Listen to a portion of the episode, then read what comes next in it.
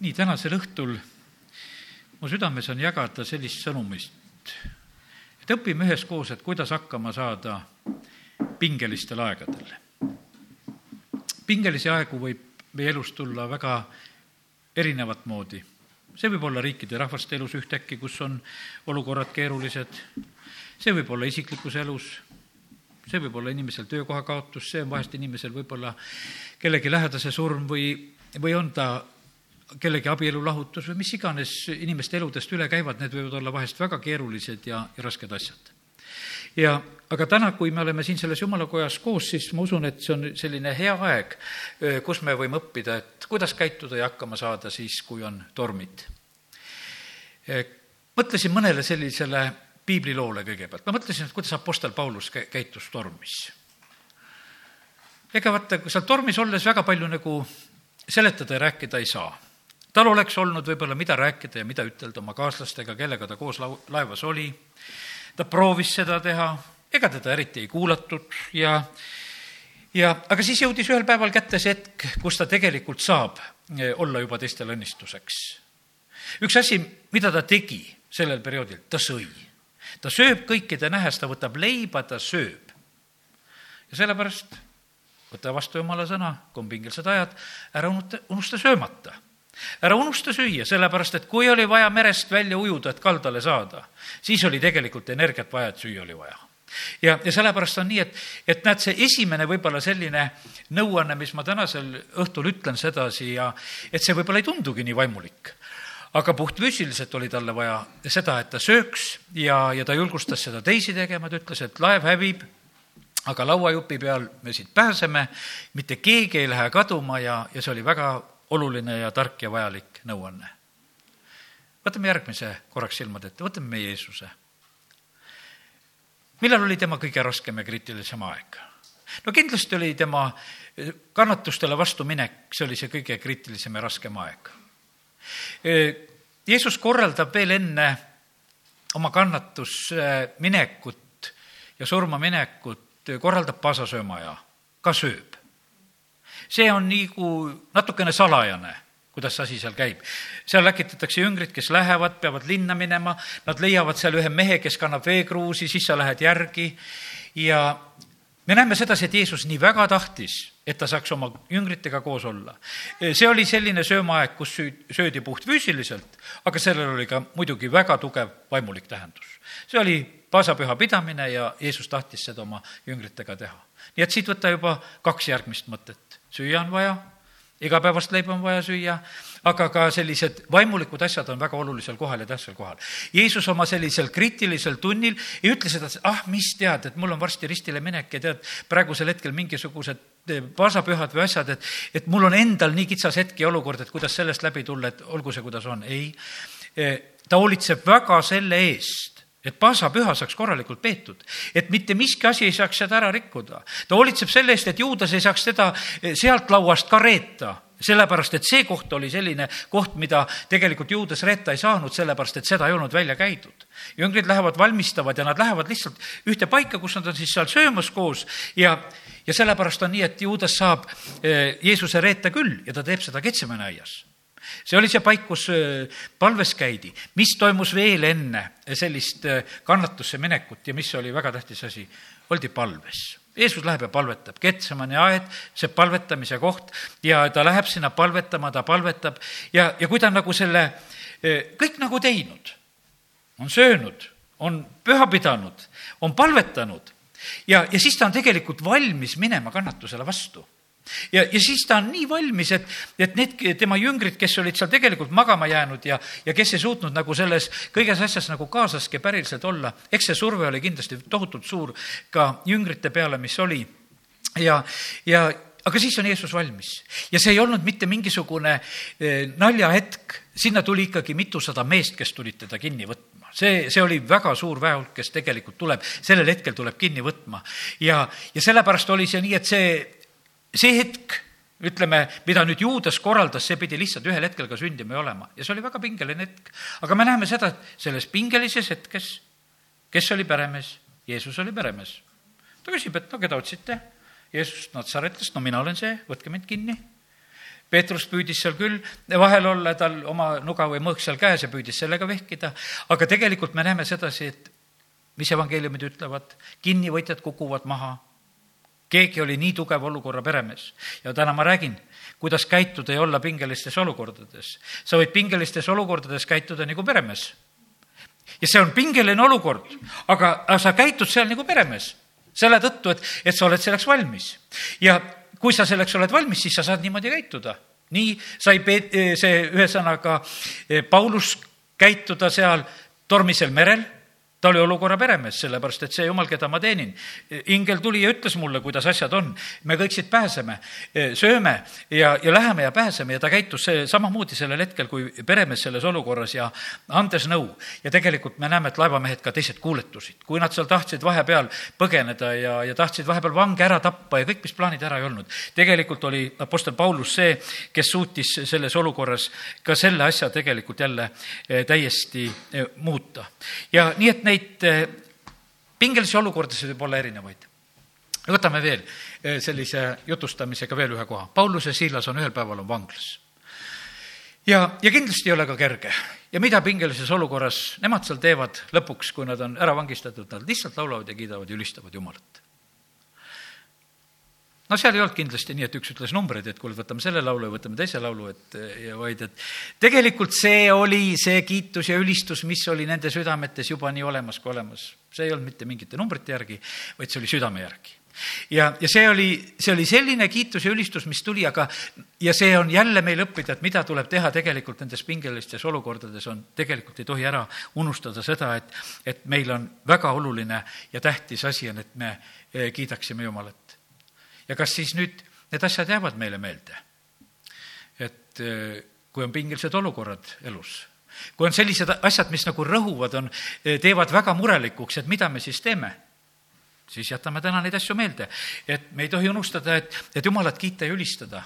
ja sellepärast, et Jumalaga ei ole mitte midagi lahti, ta on troonil seal troonisaalis on täielik kord ja, ja, ja rahu sellises mõttes, jah, seal on jumala kiitus ja kummardamine ja seal on, kõik on oma, omas kohas ja paigas, seal ei ole mitte midagi juhtunud. ja sellepärast meil on nii kindel asi, kust me saame tegelikult kinni võtta. ja, ja sellepärast see tänane sõnum on sedasorti sõnum, et kuidas nendes olukordades hakkama saada, mis või, meile võivad osutuda kord vahest keerulisteks. Keerulisi olukordi juhtub ikka me tekitame ise teistele neid ja teised tekitavad neid meile ja, ja sellepärast on meil kõigil praegusel hetkel siit nagu ma usun, tänasel õhtul ka õppida, et kuidas nende asjadega toime, toime tulla.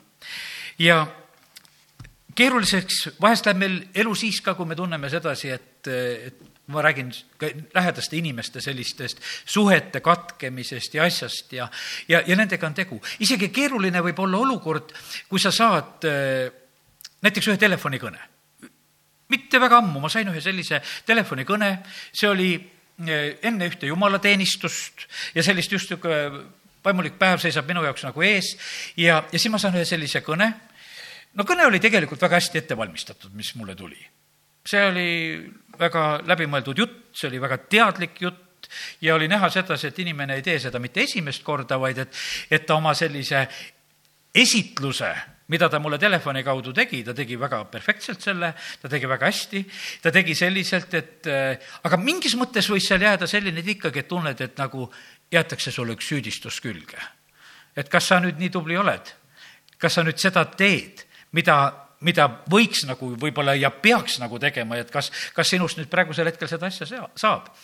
ja leidsin sedasi, et sellel hetkel ei olnud mul mitte midagi rohkemat teha, kus ma tegin nii, tegin otsuse, et siin ma lihtsalt praegusel hetkel purustan need hingelised sidemed, mis on tekkinud selle asja kaudu. sellepärast, et vahest on need, need olukorrad, mis ei olegi tegelikult meie olukorrad, aga neid püütakse panna meie olukordadeks. ja sellepärast on see nii, et, et mõista ära ka, kus on sinu olukord ja kus ei ole üldse sinu olukord. ja, ja sellepärast on see nii, et, et vahest eh, pastor Aleksei Lidev alles hiljuti ütles sedasi, et vahest teised inimesed tahavad oma elu lappida eh, sinuga. et aga see paik, mis on sinu küljes, see ei sobi teise inimese peale.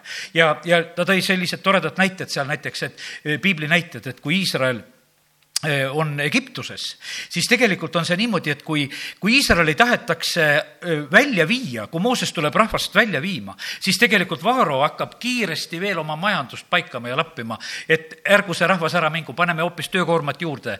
ja aga Jeesus ütles sedasi, et kui ühte vana riiet uue paigaga lapitakse, siis see käristab selle asja katki ja siis on hoopis niimoodi, et see lugu läheb hullemaks, see auk tuleb suurem sinna. ja, ja nii juhtus Egiptusega, tema majandusse tõmmati väga suur auk tegelikult aga Egiptus proovis tegelikult sellel hetkel, et kuule, et paikame, paikame selle Iisraeliga veel eh, seda asja nii, kuidas oskame. Eh, meie piiblilugudest veel selline mees nagu Jakob, kui ta on Laabani juures, siis tegelikult oli niimoodi, et, et Laaban märkab ja näeb sedasi, et kuule, et eh, jumal õnnistab seda meest väga, kuidagi asjad lähevad väga hästi. Tütardega teeb seal kaupa ja, ja, ja siis on niimoodi ja hakkab üldse nagu kaupa tegema, et kui sa üldse siit minema lähed, et siis jagame need karjad ära ja teeme need asjad. aga me näeme sedasi samamoodi, et Laaban oli see, kes püüdis tegelikult enda elu paigata Jakobiga, aga sinna käristati väga suur auk sisse, ta läks kogu karjaga. sellepärast, et jumal korraldas ise selle asja, sest see, see on issanda seadus, see on jumala sõna, kus ta ütleb, et, et igat asja ei saa igat moodi paigata ja, ja sellepärast me ei tohi teha selliseid vigu ja asju. ja, ja sellepärast on see nii, et ja kui sa oled kellelegi praegusel hetkel võib-olla selliseks paigaks saanud, et keegi tirib aga sul en, en, sinu küljest nagu seda paika enda külge, siis see tegelikult on selline asi, mis võib teise jaoks tegelikult väga kurvalt lõppeda, sest see ei ole mitte eh, jumala plaanides. ja nii ta on siin me nägime, need paar näidet olid sellised, et kus toimusid nendes keerulistes situatsioonides, võiks ütelda, mis olid rasked, mis oli Iisraelile raske. Nad hüüdsid Jumala poole ja mis, mis käitumine seal oligi, orjad hüüdsid lihtsalt Jumala poole, Jumal saadab vabastaja ja on lahendus. ja, ja, ja nad lähevad. aga vahest ongi see selline moment, et, et keeruliste selliste olukordade ja situatsioonide lahenduseks ongi see, kus tuleb ka eralduda. ja, ja teisiti ei saa. ühel päeval on niimoodi, et, et jumal eh, täitsa soovib ja tahab, et eh, Abraham teeks selle otsuse, ta on meie usuisa, kui me täna õpime natukese, et kuidas käituda keerulistes situatsioonides. kodus on väga keeruline situatsioon, tõotuse poeg on oodatud ja, ja vahepeal sündinud teine poeg kes ei olnud jumala plaanides. teine poeg on saanud juba kolmeteistaastaseks ja, ja teine poeg oskab juba välja naerda seda pisikest, keda seal võõrutatakse ja kõik see lugu on selline, et, et üsna keeruline tegelikult kodus. ja, ja siis on niimoodi, et Abraham peab olema see mees, kes peab suutma sellel hetkel tegelikult selle keerulise olukorra ära lahendada, lahendama. ja ta lahendab selle niimoodi, nagu ta pidi, ta lihtsalt saadab Ismaeli minema ja ma loen siin esimese Moosese kakskümmend viis ja viienda-kuuenda salmi. ja Abraham andis kõik, mis tal oli, Iisakile. aga liitmaaegsete poegadele, kes Abrahamil olid, andis Abraham ande ja saatis neid veel oma eluajal oma poja Iisaki juurest ära hommikupoole hommikumaale nii et me näeme sedasi, et tegelikult on see nii, et, et äh, Abrahamil on tegelikult vaja lahendada tegelikult see asi ära, et saaks korda.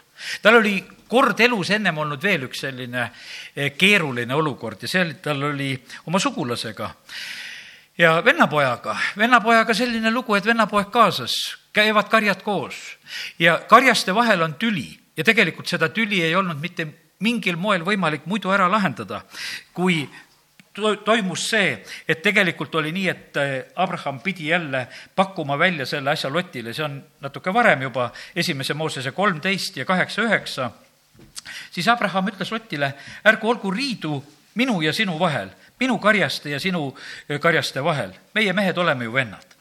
eks ole kogu maa su ees lahti, mine nüüd minu juurest ära, lähed sina vasakut kätt, lähen mina paremat kätt, lähed sina paremat kätt, lähen mina vasakut kätt ja ütleme, et sellel hetkel puhtfüüsiliselt nad eralduvad ta annab selle eesõiguse Lotile, et Lott saab valiku teha.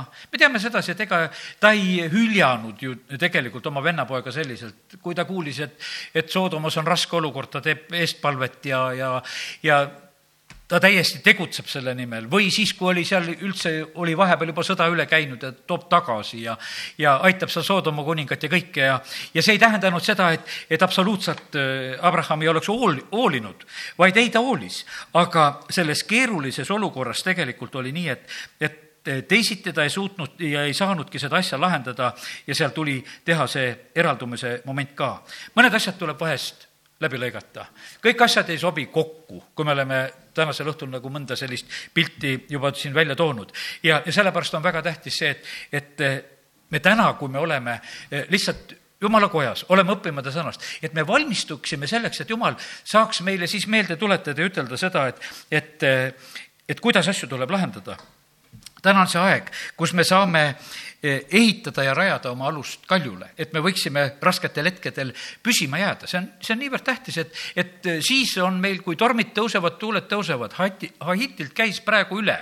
Eh, see paik on eriline paik nende tormide ja asjade koha pealt, eks, et praegusel hetkel jälle üks linn täielikult rusudeks, lihtsalt tuul tuleb ja lõhub linna ära. Ja kõik ja, ja väga palju hukkunud jälle ja, ja noh, muidugi ei ole võrreldav selle maavärinaga, mis siin mõningad aastad tagasi oli, eks, aga samamoodi on ikkagi need tormid ja tuuled, kui nad tulevad ja siis on nendeks hetkedeks on nii, et hea on, kui inimesed tegelikult on valmis. Jeesus õpetas, ütles, et tormid, tuuled tulevad ja, ja selleks eh, on vaja valmis olla. Eh, millal eh, tuleb valmistuda? valmistuda tuleb rahuajal. no täna on väga ilus rahulik päev olnud. ei olnud palju tuult oli ilus selge taevas. ütleme, päike paistis, kõhud meil täis, kõik selline igatpidi. no see, see on valmistumise päev. kuningas Aasa, kui oli rahu, juuda kuningas Aasa, mida ta teeb sellel perioodil? teise ajaraamatu neliteist on räägitud ja neljandast salmist edasi. tema kõrvaldas kõigist juuda linnadest ohvrikünkad, suitsutusaltarid, tema ajal oli kuningriigil rahu tema ehitas juudasse kindlustatud linnu, kuna maal oli rahu ja neil aastal ei olnud tema vastu sõda, sest issand lubas teda hinge tõmmata. ja ta ütles juudale, ehitagem neid linnu ja ümbritse, ümbritsegem neid müüriga, tornide ja väravate ja riividega, nii kaua, kui maa veel meie päralt on. sest me oleme otsinud issandat, oma Jumalat, oleme otsinud ja tema on meile ümberkaudu rahu andnud. siis nad ehitasid ja see läks neil korda ja, ja sellepärast täna e, ütlen selle samamoodi, et, et me ei tohi nagu noh, lasta nagu seda perioodi elus mööda minna niimoodi, et, et kus on rahulik, et noh, et siis ei ole ju mitte mingisugust probleemi. ja, ja mingisugust vajadust ja noh, mis me ikka tead, et las ta ollagi nagu on. tegelikult on kuningas Aasast õppida seda, kuningas näeb sedasi, et ahaa, minul on kingitud praegusel hetkel see rahuaeg ja mina pean olema tegelikult see, kes ma praegu kindlustan ennast selleks perioodiks, kui tegelikult tulevad rahu, rahutud ajad, kui olukorrad lähevad halvaks ja, ja raskeks ja, ja sellepärast nii see on. et äh, jätame ka selle meelde, et, et see on ettevalmistuseks nende keeruliste olukordade ja aegade jaoks väga oluline, tähtis etapp. puhastuspühitsus, ma usun seda, et möödunud pühapäevane äh, jutlus, mis meile jagati puhastatakse igat oksa. niivõrd tähtis on see, see on tegelikult niivõrd oluline, et see puhtus ja, ja pühadus. siis on niimoodi, et, et need oksad, mis ei ole puhtad, mis vilja ei kanna, mis on ära kuivanud, need lihtsalt lõigatakse ära. ja need ei ole sellised ökometsades kohad ja lood, vaid seal on niimoodi, et see koristatakse ära ja need oksad põletatakse tulega ära sellepärast, et meie vaatame sedasi, et noh, et ikkagi, et, et puu peab pikali olema seal metsas ja et las ta olla seal väetiseks. jumalal ei ole, jumala veesooned on vett täis ja ta ei, ei tee seal mingisuguseid selliseid metsatukkasid, et kus need risu on seal all, vaid ta tegelikult koristab ära, et need põletatakse ära hiljuti ma ühe inimesega rääkisin, ta tahtis nagu sellel teemal rääkida, et kas ikka põrgut on või ei ole. ja, ja, ja, ja siis, et noh, et piiblist võid leida, et ta on tulejärvest räägitud ja põrgust on räägitud ja, ja, ja see on nii, et kuidas on, jah, kuradile ja tema inglitele on valmistatud põrgu.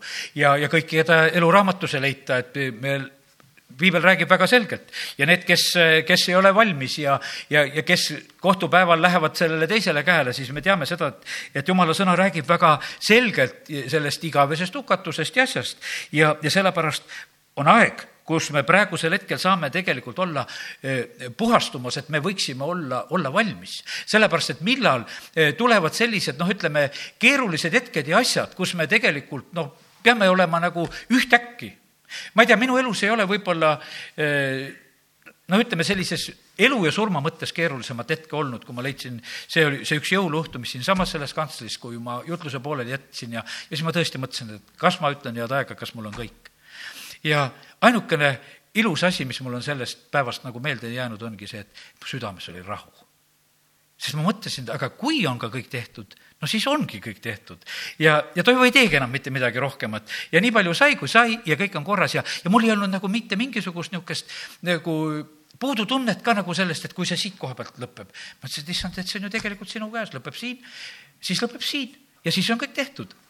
ja, ja üks pilt, et mul on veel teha ja see tegelikult jättis mind hüvasti jätmata see jättis mind hüvasti, hüvasti jätmata ja, ja kiitus Jumalale, Jumal on kinkinud veel päevi ja aastaid ja, ja, ja teen tööd. aga sellises mõttes on see nii, et vaata, me peame olema valmis. ma mäletan ühte eh, seda näidet, mida vist nähtavasti üks selline vend eh, nagu vend Johannes Togide ja mõned üksikud võib-olla siit, kes teavad teda, aga eh, tema nagu rääkis seda näidet, et üks poiss, kes läks operatsioonile ja, ja noh, oli väike poiss, aga uskliku kodu poiss ja, ja operatsiooniarst ütleb, et nüüd me peame magama sind siis poiss ütleb, et kuule, et ma pean palvetama siis, et alati noh, et kodus oli õpetatud, enne magamaminekut tuleb palvetada ja tema ütles, et, siis tuleb palvetada, kui magama pannakse. ja, ja siis eh, tegi oma palve ära ja, ja siis ütleb arstile, et nüüd ma olen valmis, et nüüd võib magama minna. ja no ja siis pandi narkoos peale. poiss jäigi magama. aga see arst terve selle operatsiooni vältel mõtleb ühele asjale, et see poiss ütles, aga mina olen valmis. ja arst mõtleb, aga mina ei ole valmis. poiss ütleb, et mina olen valmis magama minema, aga tema ei ole valmis ja ega ta ennem ei lõpetanud ka, kui tema sai ka oma palved palutud ja valmis.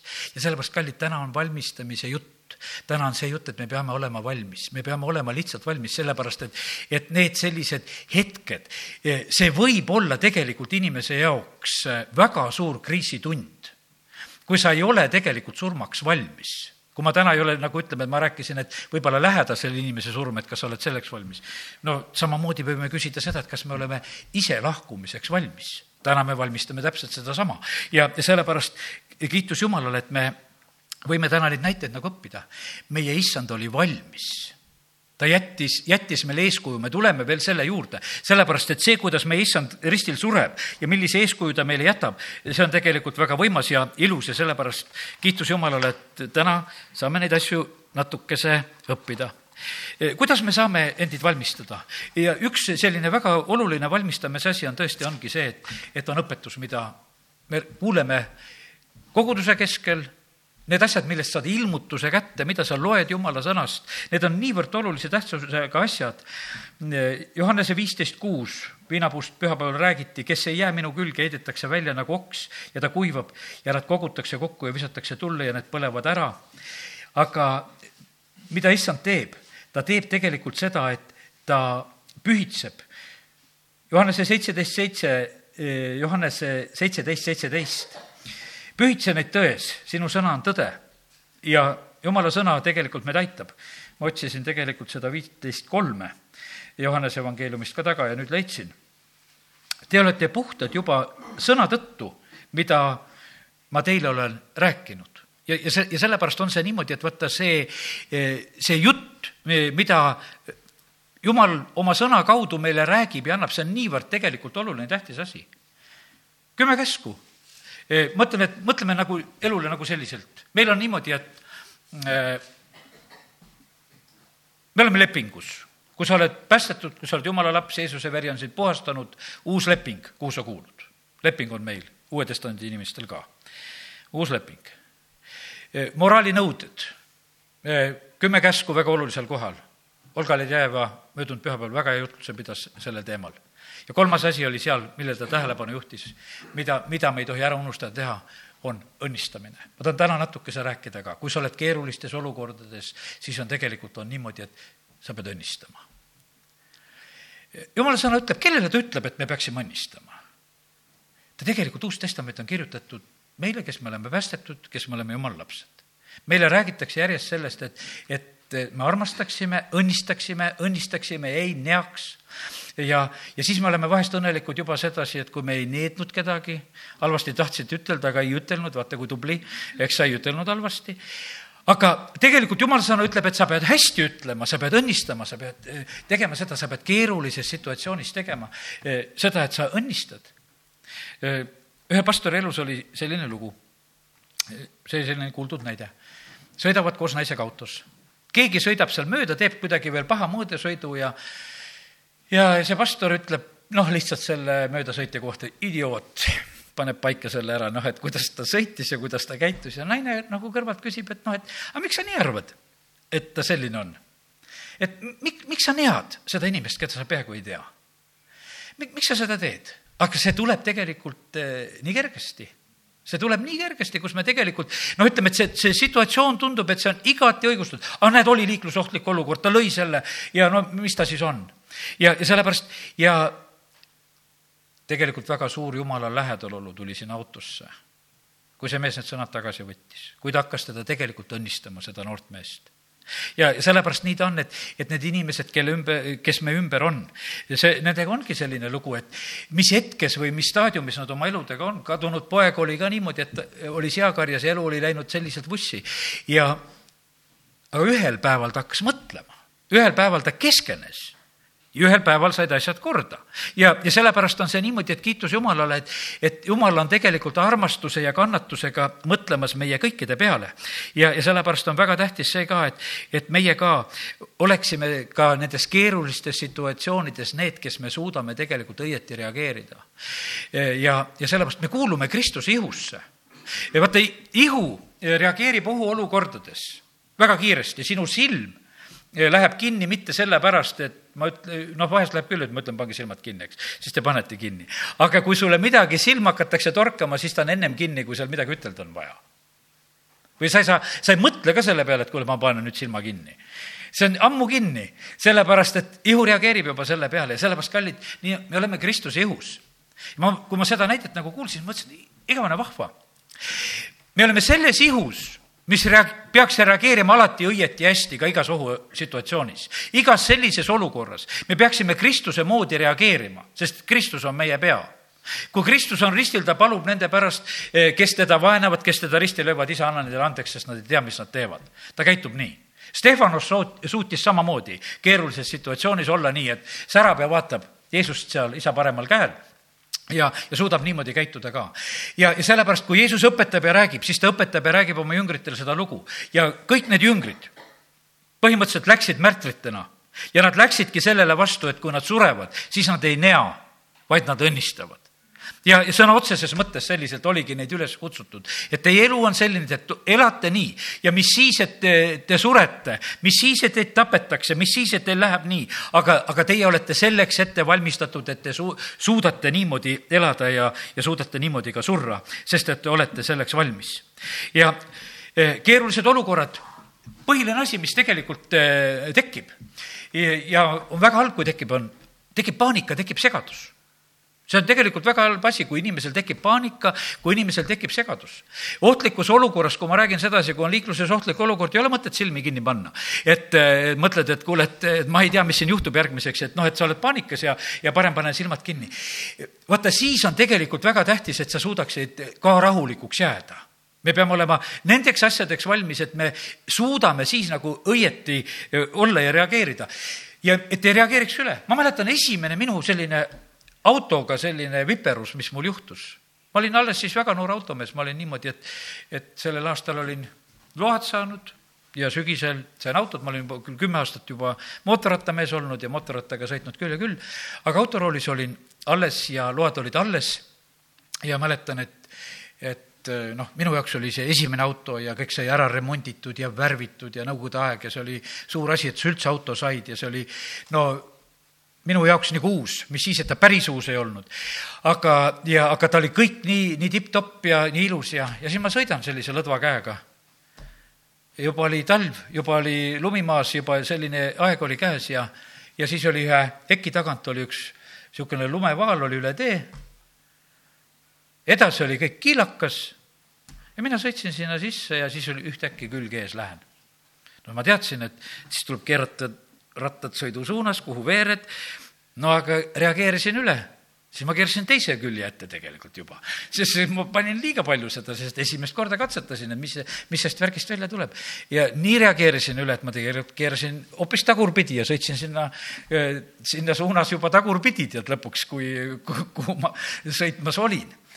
no hea küll, mitte kedagi ei tulnud vastu, mitte kedagi ei lükanud kraavi, ma juba mõtlesin küll, et nüüd vist koju ei jõua, aga üle katuse rullun ja, ja ongi mu uus auto siin. jumal hoidis. ja, ja kõik läks nagu sellises mõttes hästi ja natuke jalg värises ja, ja siis keerasin õiget pidi ja sõitsin koju ära. aga kallid, niimoodi see on, et vaata, nendeks situatsioonideks ja asjadeks on see nii, et me peame olema valmis. ma kord vaatasin siis, kui autolugusid rääkida, et kuidas, kuidas käituda, ma mäletan, et üks, üks selline rallisõitja, ta oli juba nõukogudeaegne rallisõitja ja mina läksin kolhoosi appi, nagu vanasti need sehvid käisid, see oli ka nii, nii ammune aeg ta sõitis seal Volga roolis. no ta sõitis kogu aeg saja kolmekümnega ja, ja siis ta vahepeal otsustas, et kellelegi järgi minna, et siis ta läks, sõitis saja viiekümnega ja ja siis ma vaatasin, noh, ma polnud kunagi niimoodi sõitnud, et, et sa kogu aeg sõidad ja eriti veel kolhoosi umbes põllu peale. aga, aga see oli selline minek ja siis ma vaatasin, kuidas ta juhtis. ega ta peaaegu ei juhtinudki. see sa pead oskama siis olla nagu selles situatsioonis, mis on ka. ja sellepärast, kallid, nii see on, et, et me peame olema tegelikult valmis nendeks olukordadeks, mis on, on pingelised. ja mul ei olnud seal paha tegelikult sees olla, sest ma nägin, et, et see mees valdab sellisel kiirusel tegelikult väga hästi olukorda ja vahet ei ole, las ta siis sõidab. ja, ja sellepärast nii ta on, et täna me räägime nendest, et asjadest, et kui on keerulised hetked, kui on sellised asjad, kus tahaks paanika tulla, ei tohi segadusse minna me oleme vaimulikul maastikul. teate, kuidas meid segadusse aetakse? juttudega aetakse segadusse, sõnumitega aetakse segadusse, tee raadio lahti. no mis siin praegusel ajal saad kuulda? järjest on julgeoleku teema, arutatakse, et, et kes siis ennem läheb, kas Rootsi või, või, või Soome või, või Balti riigid või noh, ütleme, see on pidev teema, mida muudkui arutatakse, et kuidas nende asjadega läheb inimestele noh, ütleme, sõna ütlebki, et jah, et sõnumid sõjast, neid asju on olemas, räägitakse nendest asjadest. mis toimus, kui Koljat ja need vilistid on Iisraeli vastu? Koljat iga hommik tuli lihtsalt, tegi oma väike ette, etteaste ära sõnades, ta ei tulnud võitlema, ta tegi sõnades ja nõnda nelikümmend päeva. lihtsalt tuli ja rääkis. ja teised värisesid, sellepärast et öeldi üks sõnum mis toimub üldse, eh, kui, eh, kui on sellised pingelised situatsioonid? no tahetaksegi meedia enda kätte saada. ajaleht enda kätte saada, kes seda kirjutab. mõni erakond vahetab omal aja, ajalehe tegijad ära sellepärast, et, et saaks sõnumit panna, mis tahad eh, tahetakse võtta raadio- ja televisioonijaamu, praegusel ajal tegelikult võetakse internetid, võetakse igasugused need sotsiaalsed eh, suhtlemise vahendid ära, sellepärast et kus info liigub ja asjad, need on niivõrd oluliselt tähtsad. noh, rääkimata see, sellest, ütleme, et mis vanasti oli, et visati lennuki pealt lendlehti ja, ja niimoodi tehti seda ar arvamuse kujundamist. aga paraku ta nii on ja sellepärast, kallid, aga, aga inimene ei ole muutunud. ja sellepärast on see niimoodi, et pane tähele, mida sa kuuled pane tähele seda, mis, mis siis on. Taavet tuleb sinna võitlusväljale. ta paneb asja paika tegelikult millega kõigepealt? ta paneb sõnadega asja paika ta oli selleks situatsiooniks valmis. ta oli selleks raskeks situatsiooniks valmistunud karjas. ta oli läinud lõvile ja karule ja kõigile oli järge läinud ja, ja see see ei ole tavaline, et minna lõvile ja karule järgi, see ei ole mitte sugugi tavaline, et minna järgi. ja need ei olnud mitte mängukarudega lõvid, vaid need olid päris, kellega Taavet võitleb, eks. ja, ja sellepärast, kui ta tuleb, aga ta paneb sõnades paika, ta paneb Sauli ees, kuningas paneb sõnades paika. ma lähen ja võitlen. ta paneb seda rahva ees paika, ta ütleb, et, et äh, küsib, et mis keegi siis saab selle eest, kui ta läheb ja võitleb. ta teeb seda kõikjal ja ta läheb, ütleb Koljatile ka. ta ütleb ka, et mina tulen vägede issanda nimel praegusel hetkel ja ta teeb tegelikult seda väga selgelt ja ta võidab seda lahingut just ka selles informatsiooni poole pealt, selles väljas, kus ta tegelikult õiged sõnad välja ütleb ja räägib. ja, ja sellepärast on niivõrd tähtis, et ka nendes asjades oleksid lahendused. me vahest ei taha tegelikult rääkida. ma mõtlesin selle peale, et vaata, Apostel Paulus, kui ta kirjutab kirju, loe teinekord sellise tähelepanuga neid asju. ta kirjutab kirju niimoodi, et kui ta kirjutab inimestest, ta kirjutab inimestest nii positiivselt kui ka negatiivselt. no positiivselt on hea rääkida kui on kedagi kiita, ütled, kuule, tublid, tublid olete. aga kui keegi tekitas tüli, siis Apostel Paulus kirjutas need, nendest miinusmärgiga inimestest ka. ta kirjutas nendest. E, ta ütleb, Timoteuse kirjas ütleb sedasi, et kui keegi patustab, siis nobmi avalikult ja, ja see, see tegelikult on niimoodi, et me räägime praegusel hetkel keerulistest situatsioonidest. kui on väga palju rääkimata, siis on keerulises situatsioonis keerukas, sest osad asjad on varjul kuskil varjul ja nagu mitte midagi ei ole. ja kuidas siis äkki midagi on, kui midagi ei olnud? aga tegelikult ei olnud niimoodi, et mitte midagi ei olnud, tegelikult oli, oli varjul lihtsalt ja viisakusest on paljud asjad lihtsalt kuskil peidus. sellepärast, et ega abielud ei lagune ka mitte niimoodi, et äkki täna lagunes ära. viisakusest oli tükk aega, see tüli oli varjul oma koduseinte vahel. lihtsalt viisakusest oli see nii. aga see tüli oli ammu, ammu olemas ja siis on teistel, aga mis siis juhtus? ajalehed ei teadnud võib-olla neid, kes üle riigi tuttavad ja tuntud, siis nendest veel kirjutada, sest et kui see polnud veel ennem kuskilt välja tulnud. ja, aga tegelikult see ongi niimoodi, et, et osad asjad on varjul vaimulikus elus me näeme sedasi, et, et jumala sõna õpetab sedasi, et need asjad, mis tegelikult nagu kuskil on idanemas, et pigem tuleks, Paulus õpetab, ütleb, et Need asjad tuleks välja tõmmata. ei ole, ei ole mõtet neid hoida selliselt varjul, sellepärast et kui on mingisugune mäda asi kuskil olemas, siis see tegelikult tekitab eh, tüli eh, ja pahandust. ja sellepärast nii ta võib olla, et, et, et osade jaoks ei ole niikuinii asjad varjul. ja seal võib olla riivatud õiglustunne on jälle keeruline situatsioon, mille pärast siis asjad on nii ja mille pärast ei lahendata asju ja sellepärast täna eh, lihtsalt ma räägin üsna erinevaid variante. vahest on meil vaja eh, teha väga tublisti tööd ja ma usun sedasi, et, et meil seisab tubli tööaeg ees. Kui panid tähele, mida õde Kalina siin pühapäeval ka ütles ja nimetas, ütles, et seisavad ajad ees, seisavad meil ka ees, kus paljude inimestega on tööd ja tegemist. Ja ja kui on palju tööd ja tegemist, siis on väga tähtis see, et me tegelikult ei oleks kuidagi kõrvale kistudega tõmmatud mingisuguste juttude ja nõupidamiste ja asjadega. see oli nii, nagu Neime ajal oli, nad hakkavad müüri ehitama jagatakse lõigud ära, igaüks peab olema oma lõigu peal. ja kui sa olid oma lõigu peal ehitamas, siis tegelikult see töö tehti kiiresti ja sellega saadi valmis. aga seal oli, kogu aeg oli nagu see katse, et tahaks nagu selle juurest nagu ära tõmmata. ja, ja sellepärast, kallid, eh, keerulistes situatsioonides jumal ootab samamoodi ka, et, et meie suudaksime tegelikult eh, hakkama saada. Eh, issand tahab oma lõikuse koguda, ta tahab inimesi päästa, ta tahab siin meie maal seda teha. ta tahab, et meie oleksime need, kes me keerulistes situatsioonides tegutseme ja, ja sellepärast on see nii, et täna me, me valmistume nagu selleks, et siis on see täiesti loomulik, et meie oleme lihtsalt tegutsemas. et me, me ei nuta ega hala siis, kui on asjad keerulised, vaid me, me teame seda, et kuule, mis on meie lõik mis on tarvis teha, et asjad läheksid korda.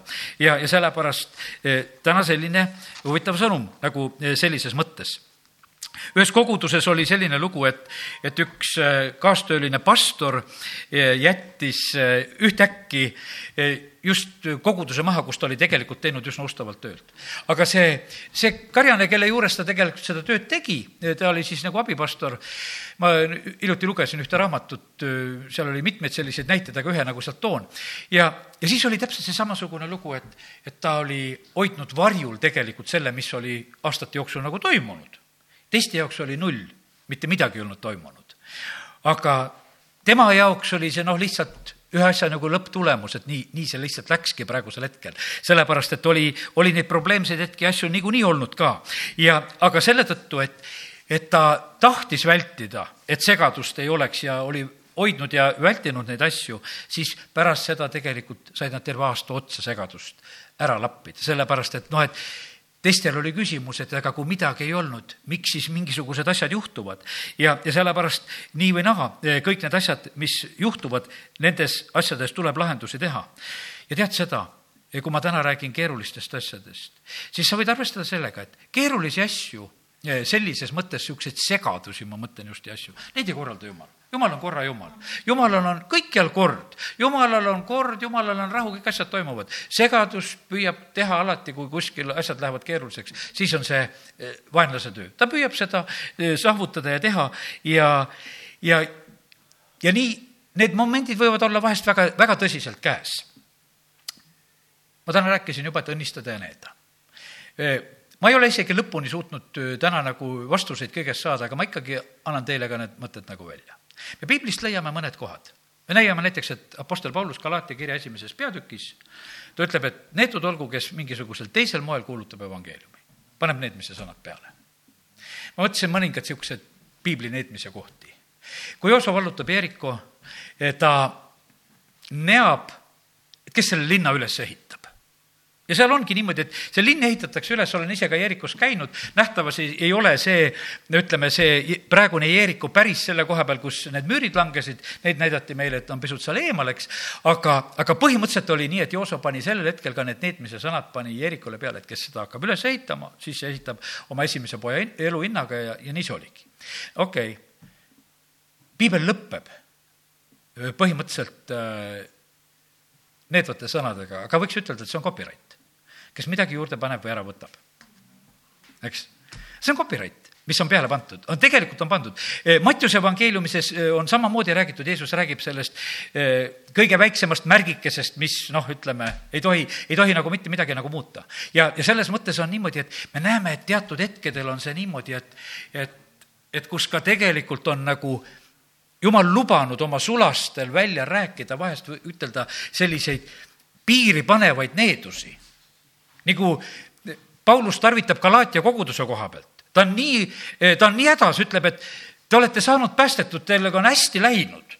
ja nüüd äkki, äkki te pöörate käsku ära ja, ja nüüd on see evangeelium teil pahupidi ära pööratud ja te olete sellises olukorras. ja, ja sellepärast, ja ta ei jäta seal, kui ta ütleb ju tegelikult sedasi, et kas mina ise või keegi teine, vahet ei ole olgu ta neetud, kui seda teistmoodi, seda evangeeliumi kuulutatakse.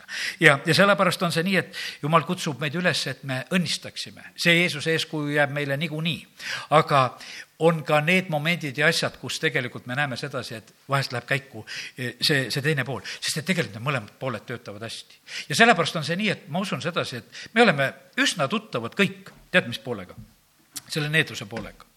me oleme iseennast neednud me oleme teisi neednud ja noh, ütleme, et võib-olla sa ei ole nii otseselt jumala suunas ütelnud mingeid needvaid asju, aga tegelikult oma, oma sellise käitumise ja reageeringuga oled ka seda teinud. ja sellepärast on see niimoodi, et, et ma, ma usun, et kõik need valdkonnad on meil üsna, üsna läbi käidud. ja, ja, ja täna, kui ma räägin sedasi, et õnnistama pead ja kui sa pead olema keerulises situatsioonis, siis äh, üks niisugune mõte veel. õnnista ennast me, noh, me palume palju tegelikult endale, et jumal, aita ja õnnista ja õnnista iseennast. tunne endast rõõmu, õnnista, sellises mõttes.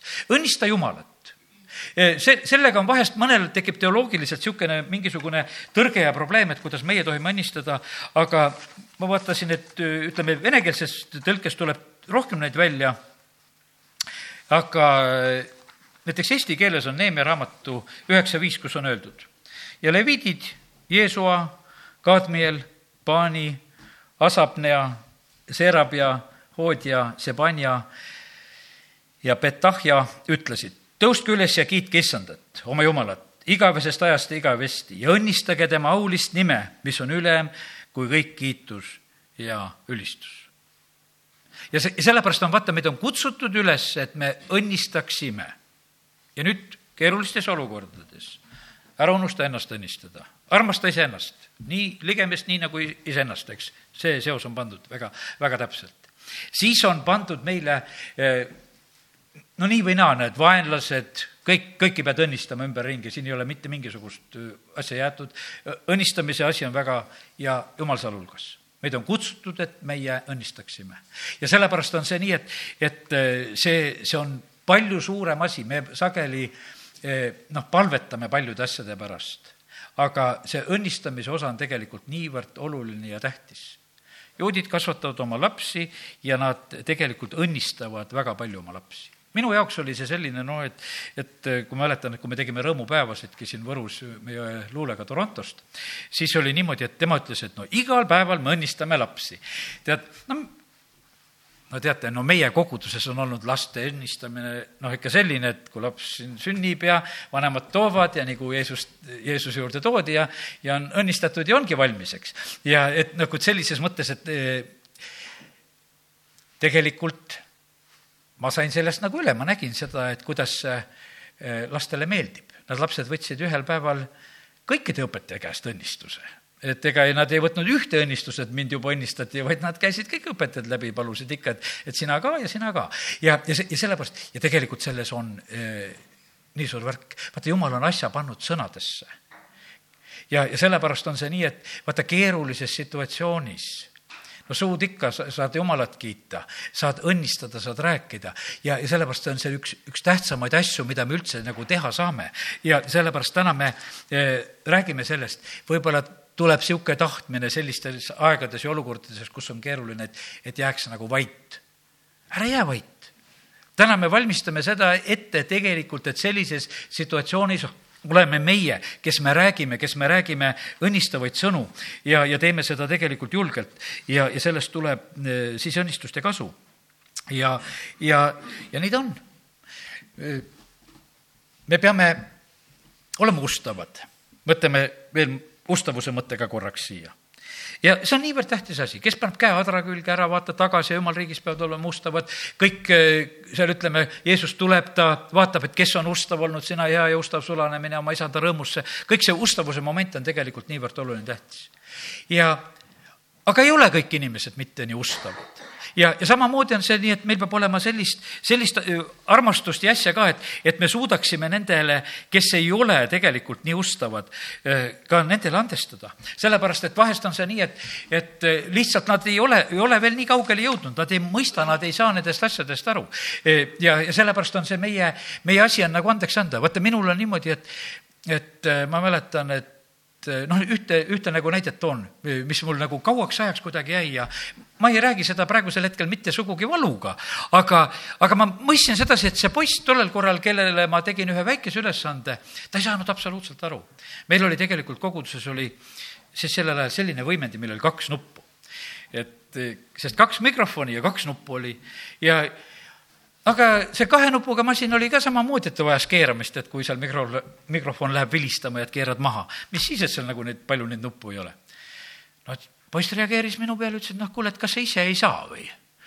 ja no ma ei osanud midagi enam ütelda. Noh, kui ise ei saa või?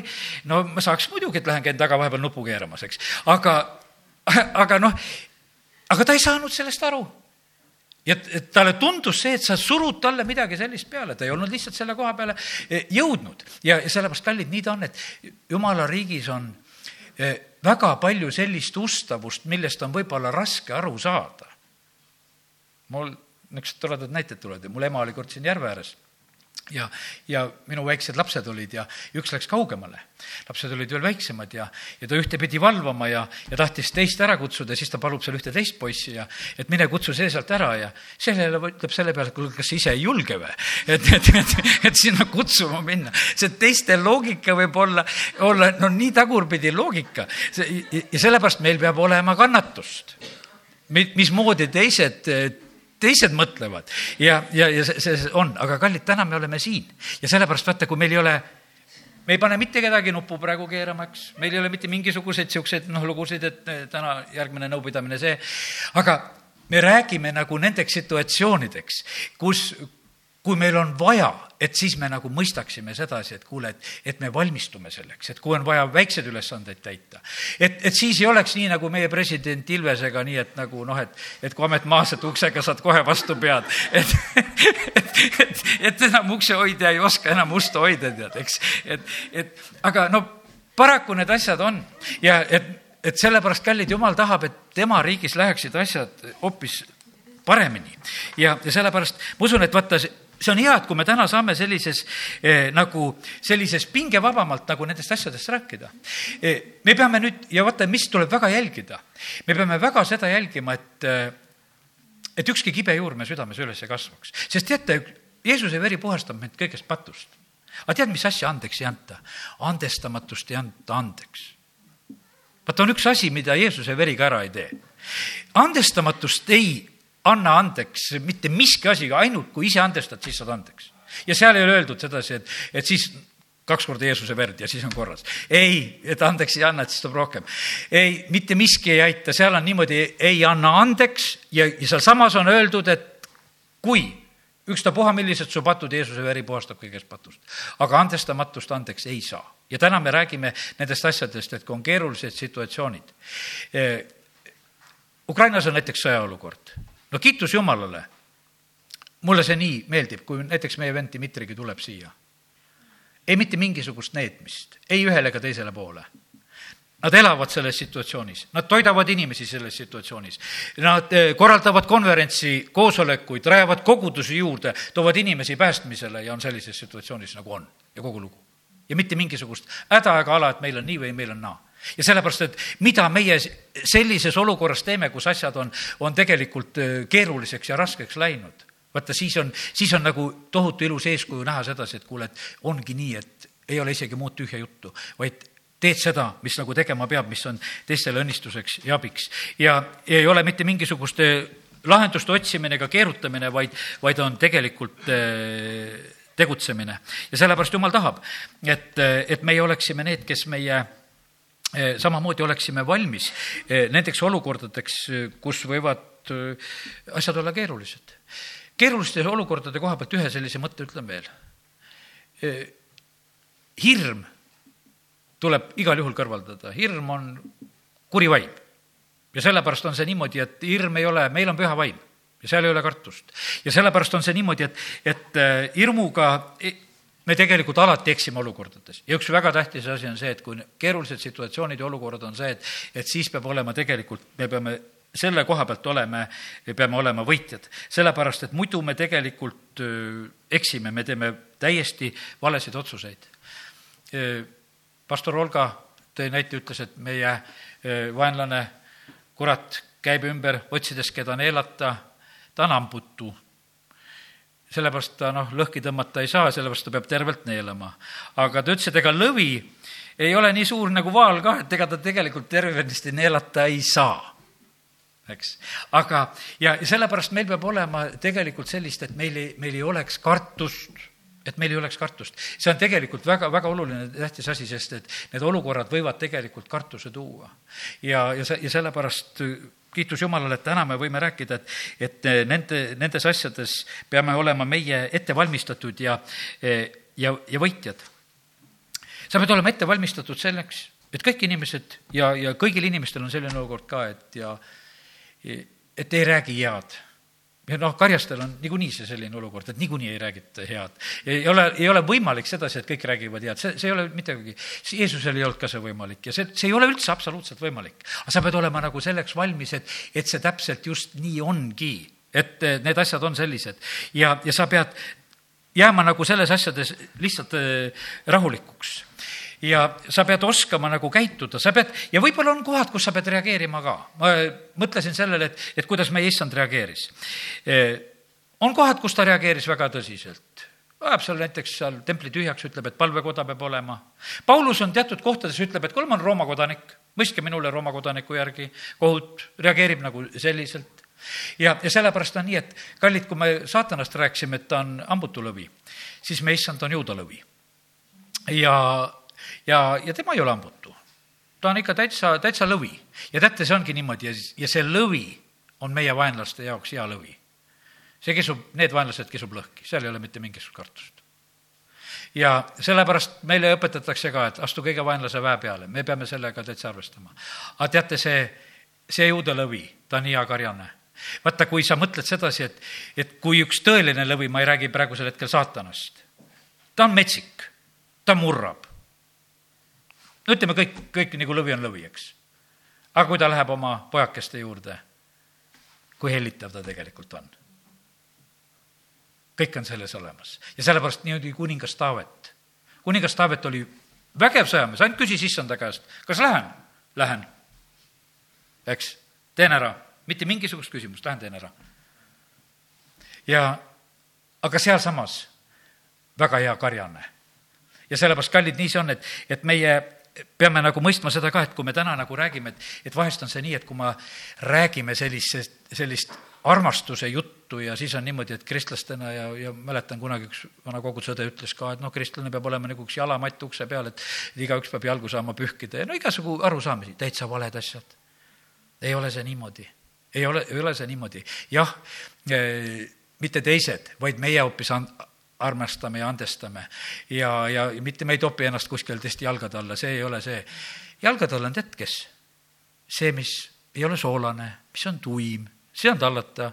Ja see, see ongi see koht. aga kristlane ei pea olema selline tuim ja kes on tallata. Ja, ja, ja sellepärast on, need asjad peavad saama nagu õigeks ja korda. Ja sellepärast ja üleüldse eh, jumal ootab seda, et, et meie oleksime, eh, oleksime need sõjamehed, ma hiljaaegu tõin selle näite oma ühest töökaaslasest, eks, et kui seal Tallinnas oli see vastuseis, kui tankid tulid ja, ja mu töökaaslane läheb.